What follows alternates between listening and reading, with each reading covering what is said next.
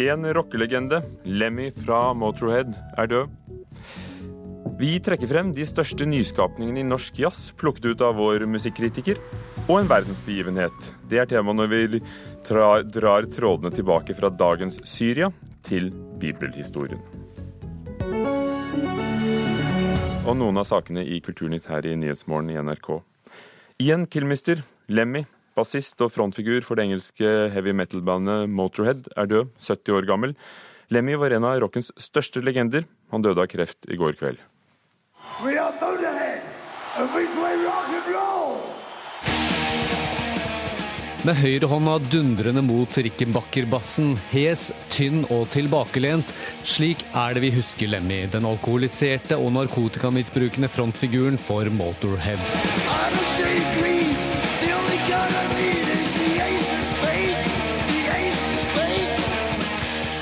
Det er bare fire uker siden Lemmy sto på scenen i Oslo Spektrum. Og som så mange ganger før var fansen overbevist om at det var siste gang de så ham. For Lemmy var rockeikonet alle mente skulle vært død for lenge, lenge siden. Han la aldri skjul på det harde livet med piller og alkohol, og i et gammelt intervju med NRK P3 sier han rett ut at han ble en bedre person av å bruke LSD og amfetamin. I said that it made me a better person. But if you think you can do without drugs, go ahead and do without them, you know, because it's a very expensive hobby.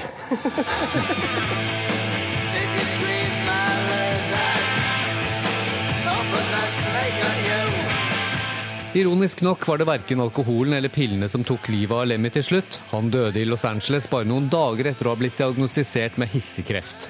Nå strømmer det på med reaksjoner i sosiale medier fra musikkstørrelser som Ossie Osborne, Nikki Six og Gene Simmons.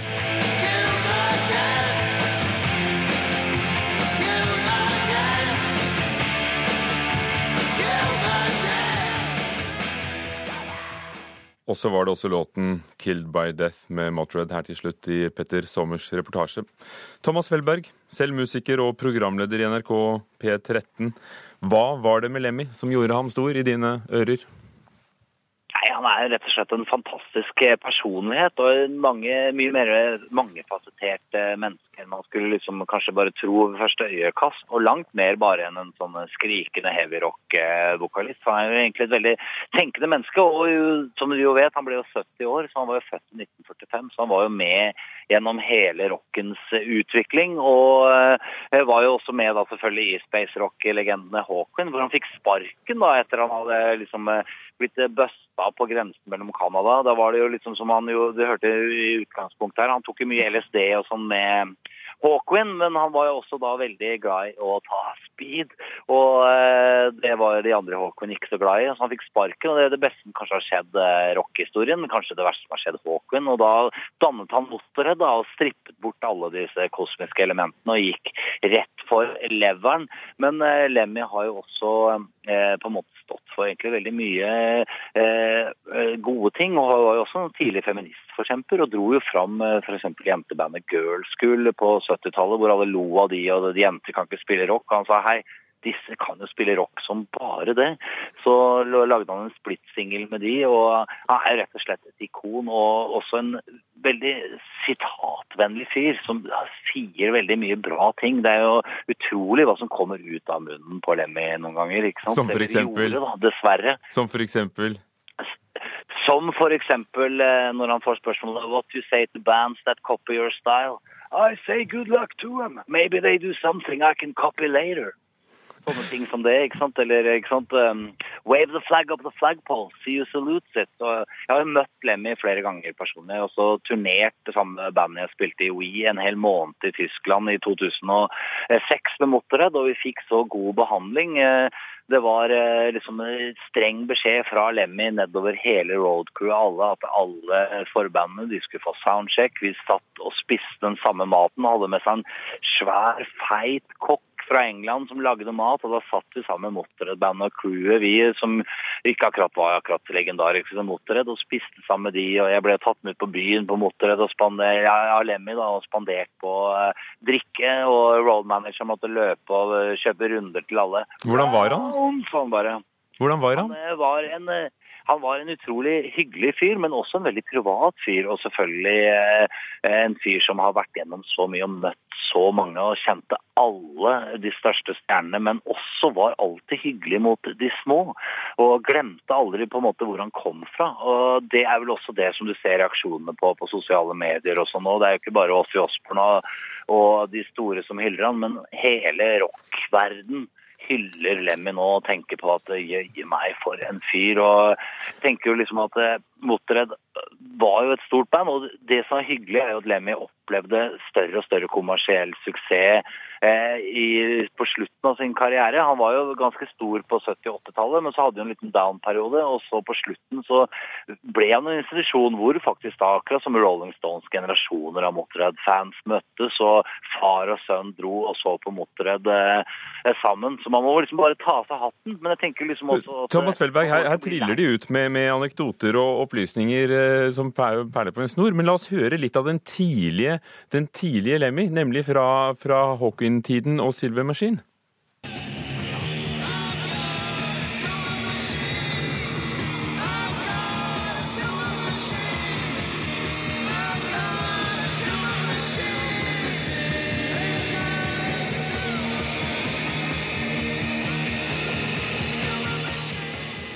Vi har nemlig også med oss uh, kulturjournalist Daniel Eriksen uh, her i NRK.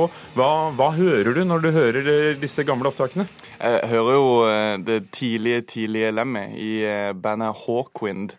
Eh, ofte glemt når man For man tenker jo selvfølgelig på Motorhead når man snakker om Lemmy, men han spilte også et, et veldig veldig flott band som, som het Hawkwind, og som faktisk spilte konsert i Oslo i fjor sommer, dog uten Lemmy. Men uh, der spilte han litt mer sånn sonisk, uh, space-aktig psych-band. Og som uh, Følberg sa, så kasta han jo av seg alt dette her inn i Motorhead. Da var det bare ren rock'n'roll. Og som vi hørte, han, han, håpet han at andre ville bli inspirert av ham, så kunne han kopiere dem senere. Er andre band blitt inspirert av Motorhead og av Ian Kilmister, Lemmy? I veldig, veldig stor grad. Eh, Lemmy var ekstremt tidlig med å omtrent finne opp sjangeren heavy metal. Og hele denne heavy metal-bølgen på 80-tallet med band som Metallica og og Slayer og Antrax og sånne band hadde nok aldri blitt til hvis det ikke hadde vært for eh, det nybrottsarbeidet som, som Lemmy gjorde i Motorhead. Thomas Felberg, du har eh, spilt med ham, du har eh, sittet og spist med ham, og du har lyttet til ham, Lemmy. Hvordan tok du nyheten om at ja. han døde? Nei, Jeg fikk på en måte litt sjokk, og bare der skjedde det. Men det har jo ligget litt sånn tegn i tiden. Han har jo avlyst flere konserter i USA i høst, og han har jo sett svakere og svakere og tynnere og tynnere ut. Og det liksom setter litt i øynene at liksom, han har følt et eller annet på gang. Og eh, det var liksom der skjedde det. Der skjedde det som vi trodde ikke kunne skje, men som vi kanskje alle skjønte eh, skulle skje. Og jeg, har jo pratet, jeg var ikke på konserten i Spektrum for fire uker siden, men jeg har pratet med folk som var der, og, og som jo har sett Motorhead i årevis. fordi Motorhead eh, kan jo nesten si at jeg er en norgesvenn eller en verdensvenn, for Motorhead spilte jo overalt hele tiden, og de var på turné hvert eneste år. Selvfølgelig også fordi han trengte å, å, å leve, men han elsket dette her, og dette var livsstilen hans. Så jeg tenker bare at man må, skal ikke gråte nå. Man skal eh, trekke opp en god flaske med det beste man kan drikke, og så servere en skål til en mann som levde livet til maks. Og eh, det er bare all ære, rett og slett. Altså. Og Takk skal du ha, Thomas Felberg, ja. musiker og programleder i NRK P13 om Ian Lemmy Kilmister, som døde i går, 70 år gammel.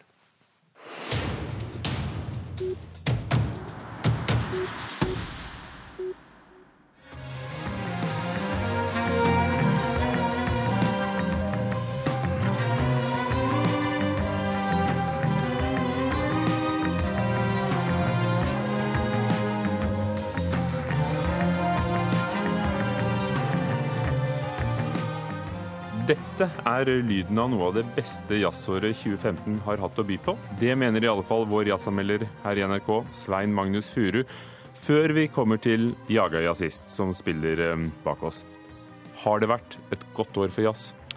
Det har eh, vært et veldig godt år for den norske jazzen, syns jeg. Og kanskje særlig høsten. I eh, starten av høsten så kom det ut utrolig mye flotte utgivelser jeg har valgt å trekke frem de tingene som jeg kanskje mente har vært de største nyskapningene i år. da. Ehm, som bl.a. Jaga Sist har stått for her. da.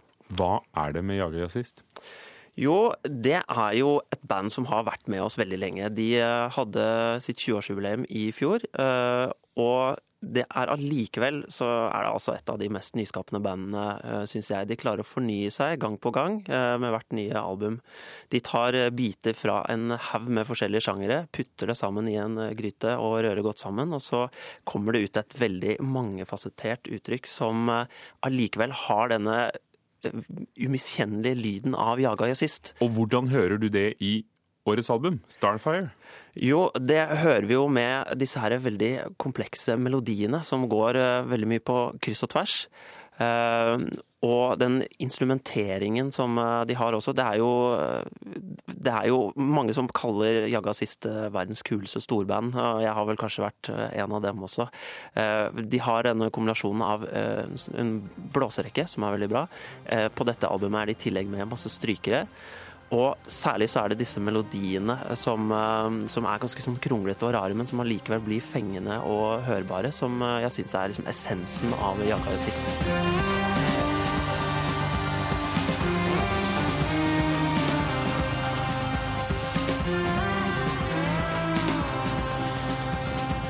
Hvordan er lyden av Jaga? Jo, her på Starfire så har vi et veldig veldig fullstappet lydbilde. Lagene og instrumenter ligger altså tjukt oppå hverandre, og det er veldig mye informasjon å forholde seg til. og eh, jeg, jeg syns at uh, Jaga sist har litt sånn musikalsk ADHD, og det kommer kanskje litt uh, mest av uh, av Martin Horntvedt, som er altså hjernen bak Starfire, som har sittet og skrudd sammen dette albumet i sitt lille mobile studio i Los Angeles. Men denne her ADHD-følelsen den er også noe av kjernen av det Jaga sist holder på med, og en av de viktigste grunnene til at de kommer med på min liste nå i år. Fra de åtte 20-årsjubileene musikerne i Jaga Jazzist skal vi til en pianist i Helt ensom majestet.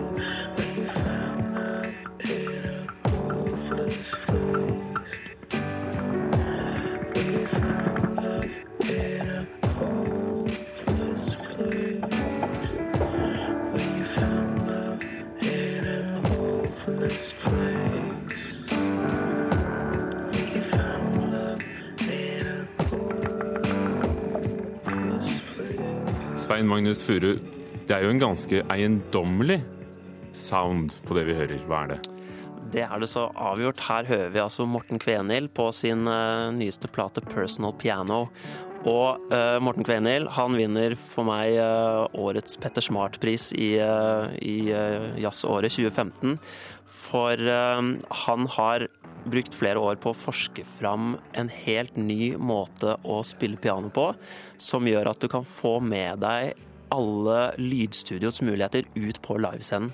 Han, altså, han, han, har laget et slags sånt piano 2.0, kan man kalle det, eller et Transformers-flygel, hvor han eh, bruker en masse elektronikk som han pytter opp oppi et helt vanlig flygel, og så får han da muligheten til å forvrenge lyden, til å legge på forskjellige klanger, til å, til å bearbeide alle, hvert eneste lille tangentslag på en måte som man ellers kun kan få gjort i lydstudio. Men han har altså brukt masse år på å forske fram dette her, og eh, lagd en plate med det, og også vært mye rundt og spilt live. Jeg fikk eh, høre den eh, verdenspremieren på dette i Kongsberg, og det var en stor opplevelse.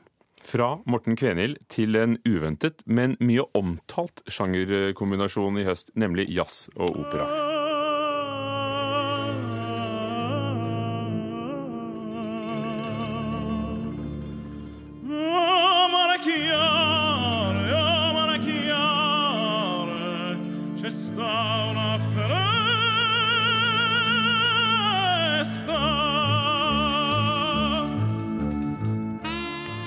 Ja, det var altså Håkon Kornstad her med sitt eh, nye album 'Tenor Battle' som kom ut uh, nå i høst. Uh, Håkon Kornstad var jo kanskje den mest lovende jazzsaksonisten vi hadde her i Norge på 00-tallet, og så for fire år siden så ville han gjerne prøve noe nytt.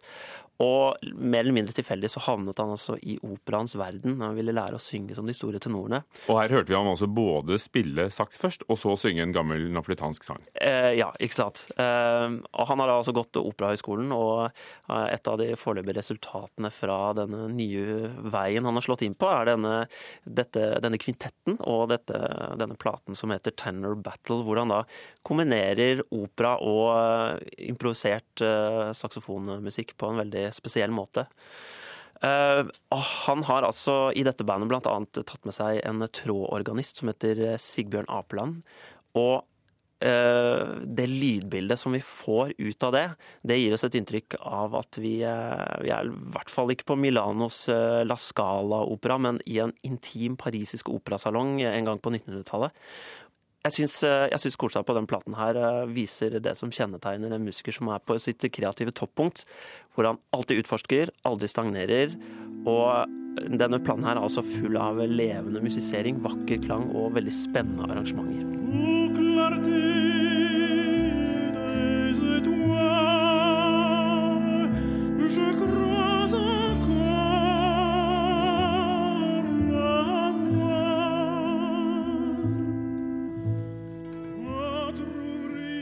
Fra Perlefiskerne, Håkon Kornstad og platen Tenor Battle. Og så var det Svein Magnus Furu som hadde hørt igjennom jazzåret for oss. Klokken er 19 minutter over åtte. Du hører på Nyhetsmorgen i NRK. Regjeringen vil gjøre det vanskeligere å få status som flyktning og vanskeligere å få permanent opphold i Norge. Lovendring fra kunnskapsministeren skal bidra til at flere fullfører videregående skole, i stedet for å motta støtte fra Nav. Og ordningen med såkalte pakkeforløp for kreftsyke fører til lengre ventetid for pasienter som ikke har kreft. Og her i Kulturnytt fortsetter vi på, på scenen. Nøtteknekkeren er for mange blitt en juletradisjon. Et tysk eventyr opprinnelig, som spilles og danses i mange versjoner i store deler av verden. På Trøndelag Teater har den trønderske nøtteknekkeren slått an hos publikum for andre gang. Du, jeg har ny sminke fra prøvesminkinga klokka ti i morges. I den ene sminkestolen sitter skuespiller Marianne Meløy. Hun skal nå forvandles til stemor Edel Gran, badeand og en av gutta på skauen. Vi skifter att og fram med hele tida. Så derfor er det nå viktig at, hun, at vi lager gode parykkfester her, da.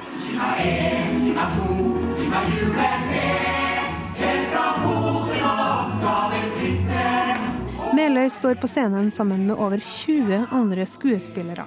Og de tar oss med inn i universet til den trønderske versjonen av Nøtteknekkeren, som går på Trøndelag Teater for andre år. Og som har vært en publikumssuksess uten sidestykke. Svært mange billetter ble revet bort allerede i sommer. Og det er skuespiller og manusforfatter Mats Bones som står bak, sammen med flere. Det handler om ei jente som heter Maria, lillebroren hennes, som redder eh, hele verden fra en eh, sinnssyk eh, planlagt terroraksjon som handler om, om at uh, istedenfor julegaver i pakkene, så kravler det ut rotter som skal ta over hele verden. Stille! Patetiske møtetøy. En ny tid er kommet. En ny tid. Det er rotta som skal herske. Nøtteknekkeren er egentlig et eventyr skrevet av den tyske forfatteren Hoffmann i 1816. Men for mange er nok Nøtteknekkeren en ballettforestilling. Og på Den norske opera og ballett har de satt opp forestillinger av Peter Tsjajkovskij i 21 år på rad. Og det er å bli en publikumsvinner.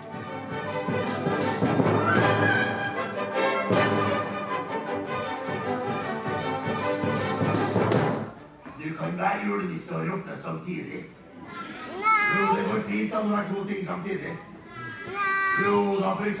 nestleder og fiskeriminister går helt Teatersjef Kristian Seltun tror det er helt nødvendig å fornye og endre klassikere. Ja, altså Vi må jo hele tiden finne opp stoffet vårt på nytt. Og ja, det syns jeg. Er, altså, kan du si Nøtteknekkeren, hva er det egentlig? Altså Folk forbinder det med, med, en danseforestilling. Det har jo egentlig ingenting med det å gjøre heller. Så det er et tysk eventyr eh, som, som, vi har bare tatt løselig utgangspunkt i. Og det gjør vi jo i, i, i, ofte vi gjør det i teateret. Litt av vann på scenegulvet, da Bones mener Nøtteknekkeren har blitt en tradisjon over store deler av verden, og dermed oppnår suksess år etter år. Klarer man eh, det mesterstykket å bli en eh, førjulstradisjon, så, så appellerer det til gjentakelse. Og reporter var Kaja Kristin Næss på Trøndelag Teater. Templer og ting fra tidligere tider er ødelagt i dagens Syria av terrorgruppen IS. Det som viser oss at dagens steder var viktige også i antikken, blir borte. I dagene frem til eh, nyttår her i Kulturnytt vil seniorprofessor i teologi, Halvor Moxnes, trekke trådene tilbake i historien, og i dag skal det handle om Syrias hovedstad. Og Halvor Moxnes, hvilken betydning hadde Damaskus i Bibelen?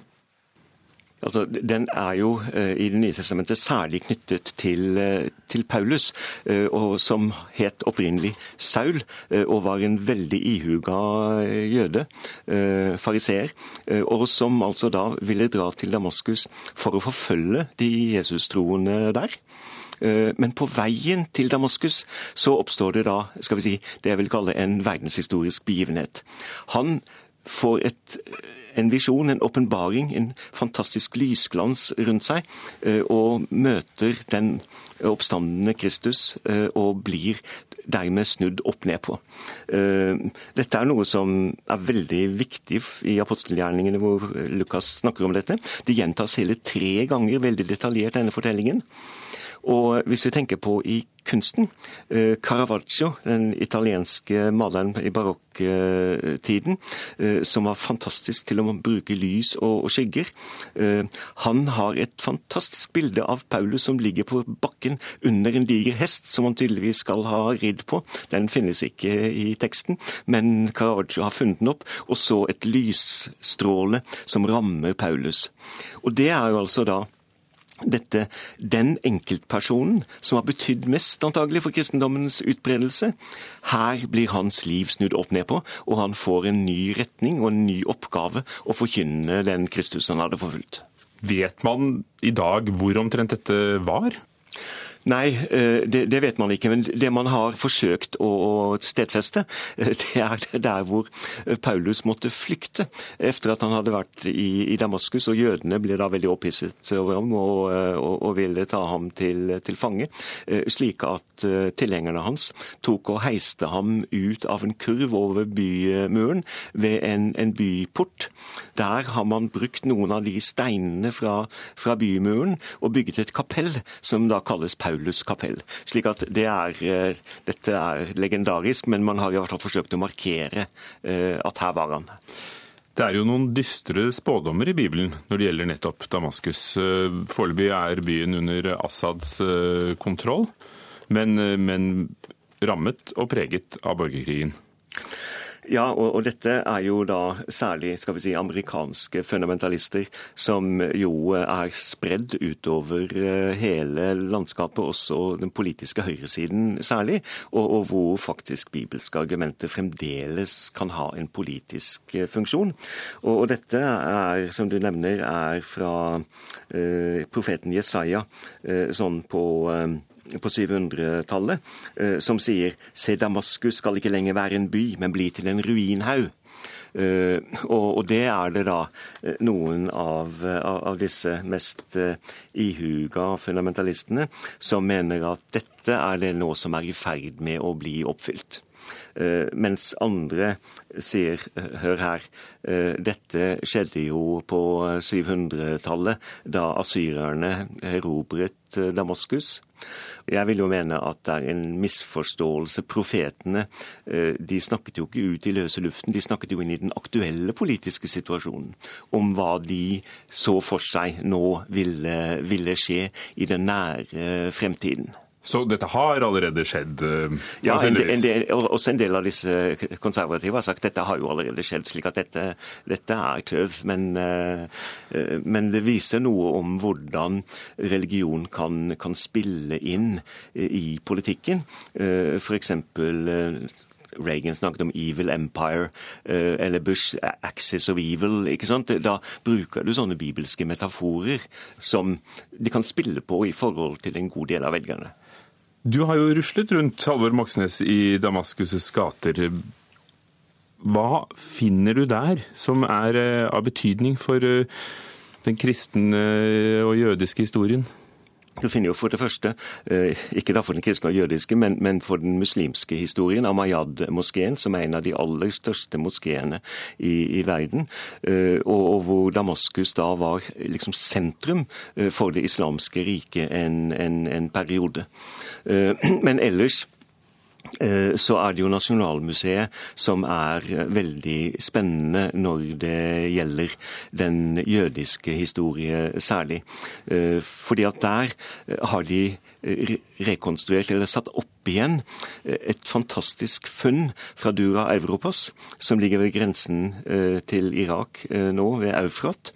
En synagoge fra 200-tallet som er helt usedvanlig, fordi jødene hadde jo dette billedforbudet. Du skulle ikke lage deg bilder av noen ting.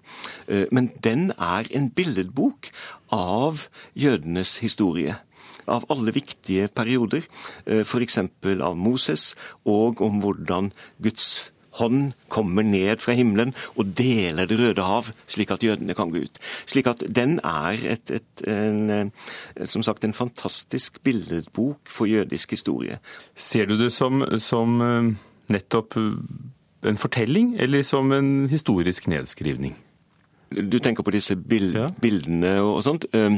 Noe av det er jo selvfølgelig historie når det kommer til personer som David og Salomon og, og, og sånt.